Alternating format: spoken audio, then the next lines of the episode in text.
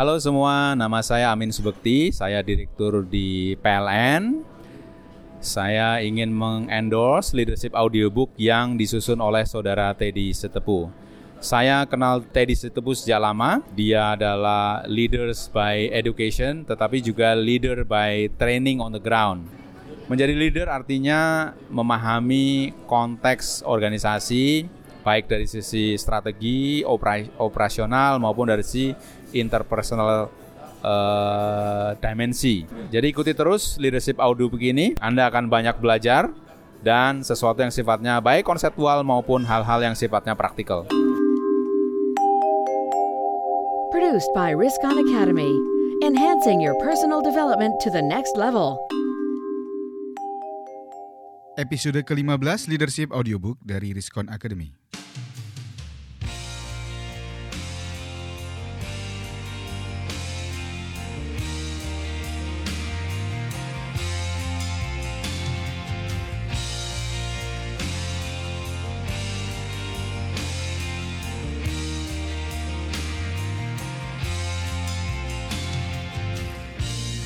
Ya, Assalamualaikum warahmatullahi wabarakatuh dan salam sejahtera untuk kita semua. Salam dari kami di Riskon Academy. Alhamdulillah rekan-rekan sekalian, kita bertemu kembali dalam serial Leadership Audiobook dari Riskon Academy yang hari ini telah memasuki pada episode ke-15.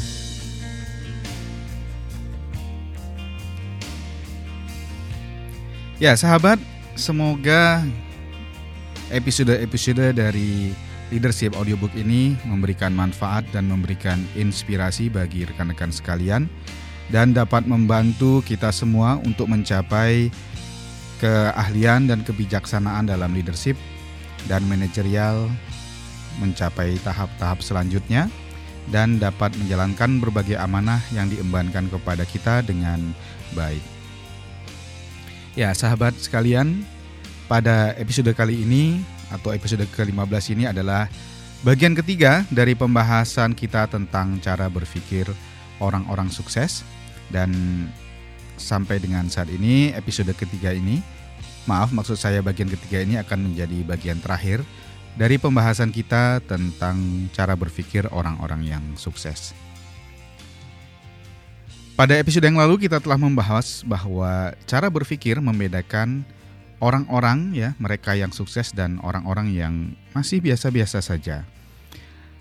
Kemudian pada bagian kedua kita juga telah membahas bersama dengan Rina Setepu, seorang entrepreneur yang telah memutuskan berpindah karir dari seorang pegawai negeri sipil ya dengan uh, kehidupan yang serba pasti ya, tidak memiliki tantangan yang uh, cukup berat dalam setiap hari dan setiap bulannya untuk Eh, karir maupun nafkahnya.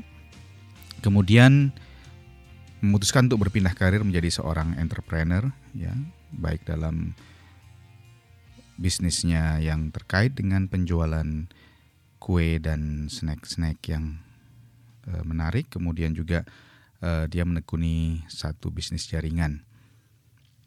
Dalam pembahasan tersebut kita telah telah memahami bahwa Positive thinking sangat penting dalam mewujudkan cita-cita dan visi kita. Rina juga memberikan kutipan yang sangat menarik untuk kita semua bahwa seribu orang mengatakan kita mampu kalau kita sendiri tidak yakin, maka kita tidak akan mampu. Sebaliknya, seribu orang mengatakan kita tidak mampu, tapi kalau kita yakin, maka kita akan mampu. Ya, semoga dua episode yang lalu telah memberikan gambaran yang jelas kepada kita bahwa berpikir dengan positif, berpikir yang baik uh, untuk mencapai visi sangat penting untuk kita miliki.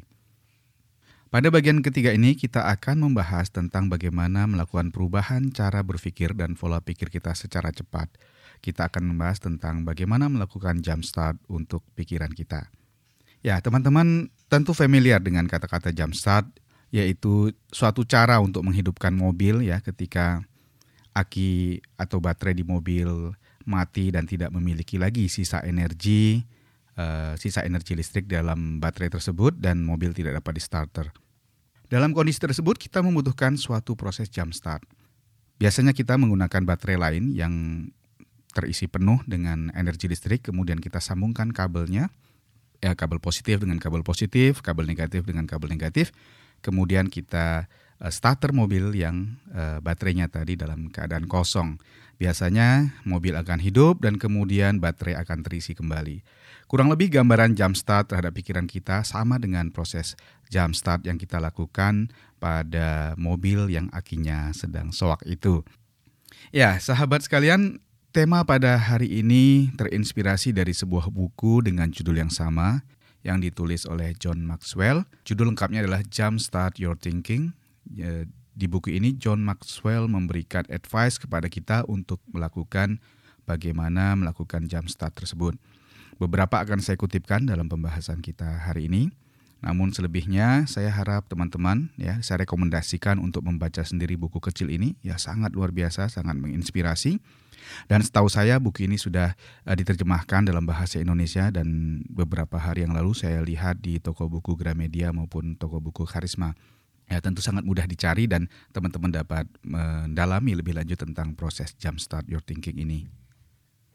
Bagian pertama yang ingin saya bahas terkait dengan jumpstart your thinking adalah bagaimana kita terus berpikir positif. Ya sedikit mengulang, tapi Maxwell menekankan kembali bahwa pentingnya proses dan pentingnya menjaga pemikiran tetap dalam kondisi positif. Mengapa demikian? Karena pikiran sangat menentukan kondisi emosi kita. Ya, apabila Anda tidak percaya, mari kita coba lakukan tes sedikit ya pada hari ini. Coba Anda bayangkan Anda sedang dalam kondisi bahagia dan penuh sukacita, kemudian Anda bayangkan dalam visual di benak Anda bahwa eh, sedang tersenyum bahagia, ya mungkin dengan keluarga, dengan orang tua atau eh, anak dan istri atau anak dan suami. Nah, sudah dibayangkan? Setelah membayangkan hal itu, cobalah ubah ya Anda uh, gerak bibirnya menjadi uh, cemberut. Ya. Tentu sulit. Bukan begitu?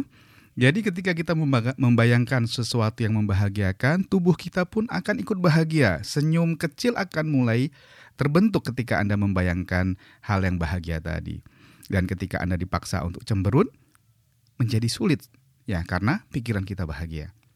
Pikiran yang positif akan membuat emosi yang positif pula. Nah, sebagaimana kita ketahui bahwa emosi sangat menentukan keputusan kita. Ketika kita dalam kondisi emosi yang baik, biasanya kita membuat keputusan yang baik. Sebaliknya, ketika emosi kita tidak teratur ya, tidak terkendali, apakah itu marah, apakah itu sedih yang sangat sedih, maka keputusan kita pun biasanya tidak terkendali keputusan nanti akan mempengaruhi tindakan kita. Ya, kita sudah tahu bahwa setiap tindakan kita dipengaruhi oleh keputusan kita terlebih dahulu. Nah, teman-teman sekalian, apabila tindakan, ya, proses pikiran, emosi dan tindakan ini berjalan terus dan berulang, ini akan menjadi habit. Ya, artinya posi, uh, artinya pemikiran yang positif akan menghasilkan habit yang positif dan sebaliknya, pikiran yang negatif akan menghasilkan habit atau kebiasaan yang negatif juga. Ya, tentu saja setiap kebiasaan kita akan berujung kepada hasil, hasil tindakan, hasil perbuatan.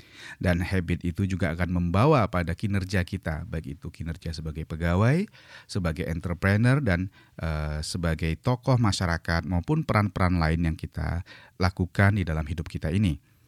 Jadi teman sekalian, pemikiran atau pikiran yang positif akan terus membawa kita kepada hal dan hasil yang positif dan sebaliknya pikiran yang negatif akan membawa kita kepada hal-hal dan hasil yang negatif pula.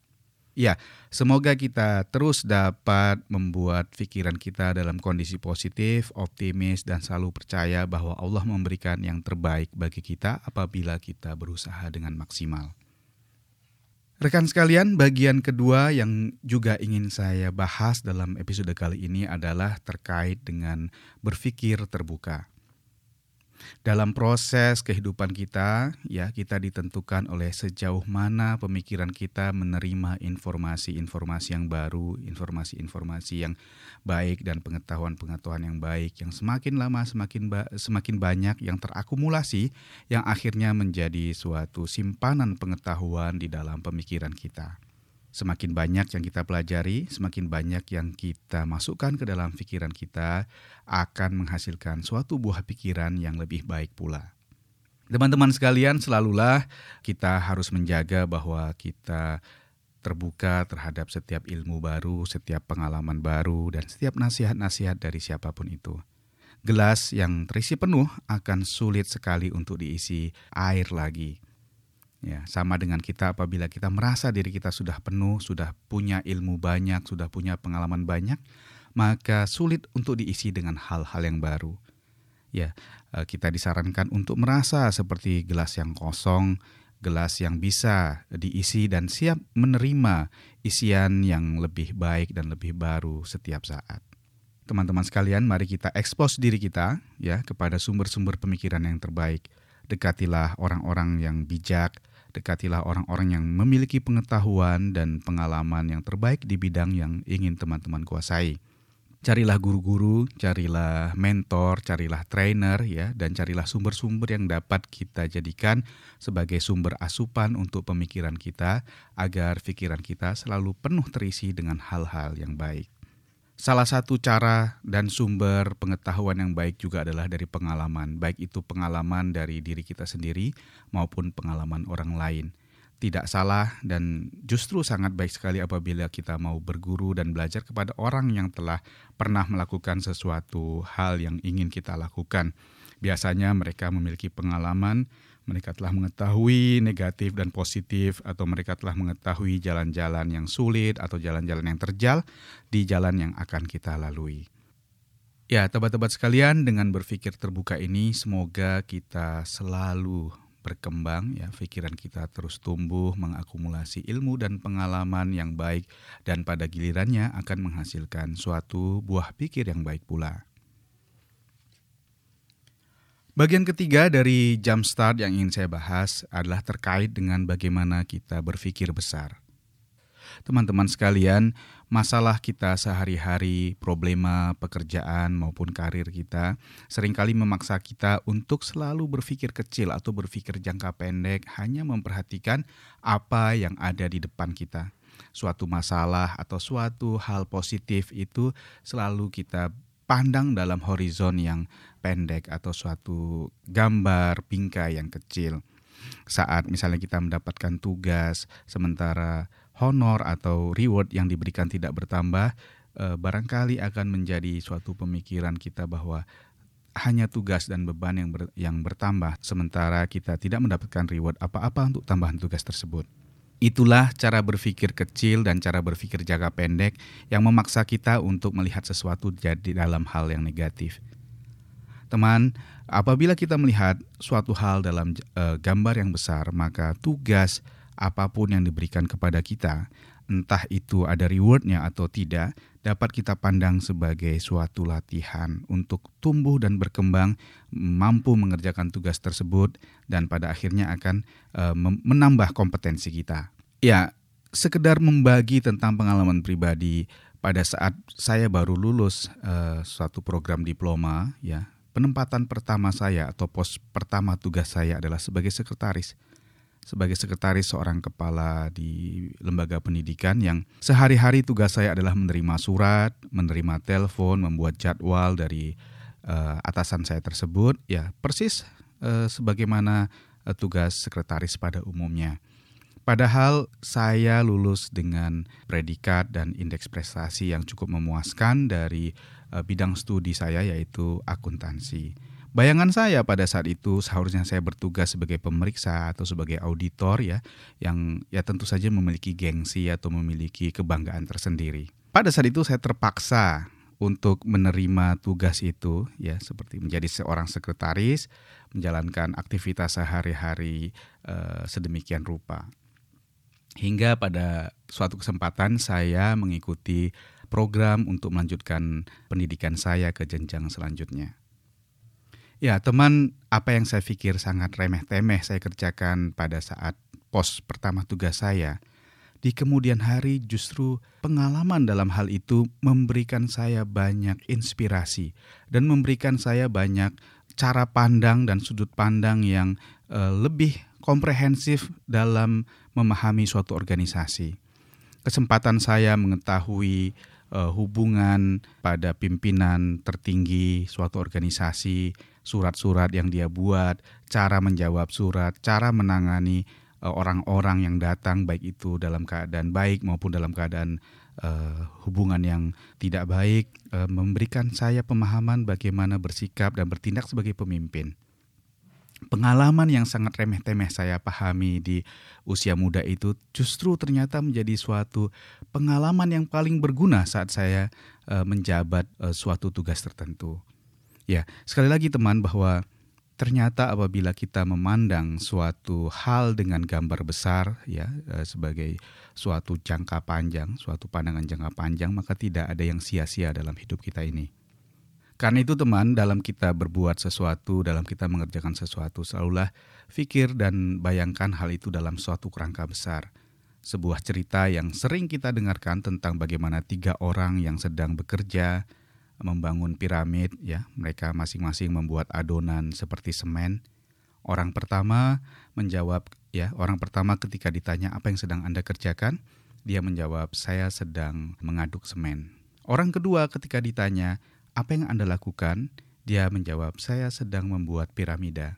Dan orang ketiga yang ditanya, ya dengan tugas yang sama sedang mengaduk semen, kemudian ditanya, apa yang sedang Anda kerjakan? Dia menjawab dengan perkataan, saya sedang membangun peradaban Mesir. Ya, suatu tugas yang sama, rutinitas yang sama, namun bisa dimaknai, bisa dimaknai dan tentu saja menghasilkan hasil kerja yang berbeda. Suatu pekerjaan saat ini yang mungkin remeh ya, sangat remeh-temeh kita kerjakan apakah itu merekap hasil penjualan, merekap transaksi harian, apakah itu mengawasi pembuatan e, bangunan, produk, ya, mengawasi kualitas, ya, menghubungi uh, customer, menghubungi klien atau pekerjaan-pekerjaan lain yang sangat simpel, sangat uh, teknis dan sangat tidak punya gengsi mungkin saat ini tapi Bayangkan itu dalam konteks besar akan berpengaruh pada organisasi Anda.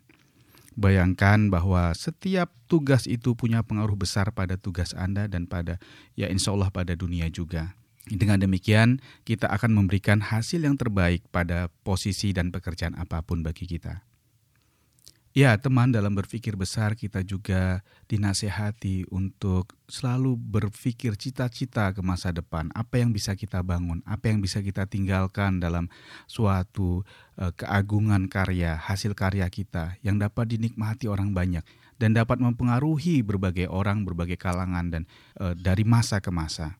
Tidak hanya sekedar mengerjakan apa yang saat ini menjadi tugas, apa yang saat ini menjadi kewajiban kita Berpikirlah lebih jauh dari itu, bayangkanlah hasil karya yang lebih jauh dari dari apa yang sekedar menjadi kewajiban kita saat ini. Sebagai contoh, saat mobil belum ditemukan, mobil belum banyak diproduksi, bayangkan bagaimana seorang industrialis dari Amerika, Henry Ford, membayangkan bahwa mobil ini dapat membantu umat manusia. Apa yang tidak pernah difikirkan saat itu menjadi suatu alat dan suatu produk yang sangat membantu bagi pertumbuhan dan uh, perkembangan umat manusia di masa-masa berikutnya. Iya, bayangkan juga seorang Ciputra misalnya ketika memandang uh, tanah rawa di tepi pantai Jakarta. Kemudian pada tahun 70-an tanah itu berupa pantai dan rawa-rawa yang sama sekali tidak berharga bagaimana. Kemudian dengan pikiran yang besar, pikiran yang menjangkau masa depan dapat kemudian membangun tahap demi tahap apa yang sekarang kita kenal dengan dunia fantasi atau Dufan. Ya, sebuah pemikiran yang jauh melampaui dari zaman yang harusnya dia lakukan. Ya, tentu di bidang masing-masing kita pun dapat mencari suatu pemikiran yang besar, suatu pemikiran yang jauh melampaui dari tugas dan mampu melampaui dari zaman yang yang sekarang kita alami. Dua kutipan yang sangat saya sukai dari uh, bagian ini adalah satu small man is made up of small thought. Orang kecil dibentuk oleh pemikirannya yang kecil. Sebaliknya, orang besar biasanya dibentuk oleh pemikirannya yang besar juga. Ya, kutipan yang kedua adalah big thinking precedes great achievement. Ya, suatu pemikiran yang besar mendahului pencapaian yang besar pula. Teman-teman sekalian, para pemimpin yang saya hormati, tentu saja kita menginginkan hasil kerja kita, hasil karya kita dapat dinikmati oleh seluas-luasnya halayak. Dan tentu saja kita berharap bahwa hasil kerja dan hasil karya kita ini akan terus dikenang sepanjang masa. Karena itu mari kita biasakan untuk berpikir besar, berpikir suatu yang e, melampaui dari diri kita sendiri. Ya, sahabat sekalian, demikianlah tiga hal yang dapat menjadi awalan untuk kita melakukan jump start pada pemikiran kita yang dapat kita gunakan untuk mengupgrade pemikiran kita dari kondisi yang sekarang menjadi uh, kondisi pemikiran yang lebih positif, lebih maju, lebih berkembang dan lebih baik bagi pencapaian kita. Sekali lagi saya merekomendasikan teman-teman untuk membaca lebih lanjut tentang Jumpstart ini dalam buku dari John C. Maxwell yang berjudul Jumpstart Your Thinking. Ya, sahabat, demikian tadi episode ke-15 Leadership Audiobook dari Riskon Academy. Semoga dapat memberikan manfaat pada kita dan menginspirasi kita untuk menjadi pemimpin dan manajer yang lebih baik lagi di bidang tugas kita masing-masing. Sahabat, apabila sahabat merasakan bahwa audiobook ini bermanfaat, kami sangat berterima kasih apabila sahabat berkenan memberikan like atau subscribe pada layanan podcast ataupun SoundCloud dari audiobook ini. Dan juga kami sangat berterima kasih apabila rekan-rekan ya para sahabat men-sharing kembali audiobook ini lewat Facebook ataupun jaringan-jaringan sosial lainnya agar audio agar audiobook ini semakin mudah ditemukan dan semakin memberi manfaat kepada teman-teman kita, sahabat-sahabat kita yang membutuhkannya. Demikian, salam hormat dari kami. Selamat berpisah. Assalamualaikum warahmatullahi wabarakatuh.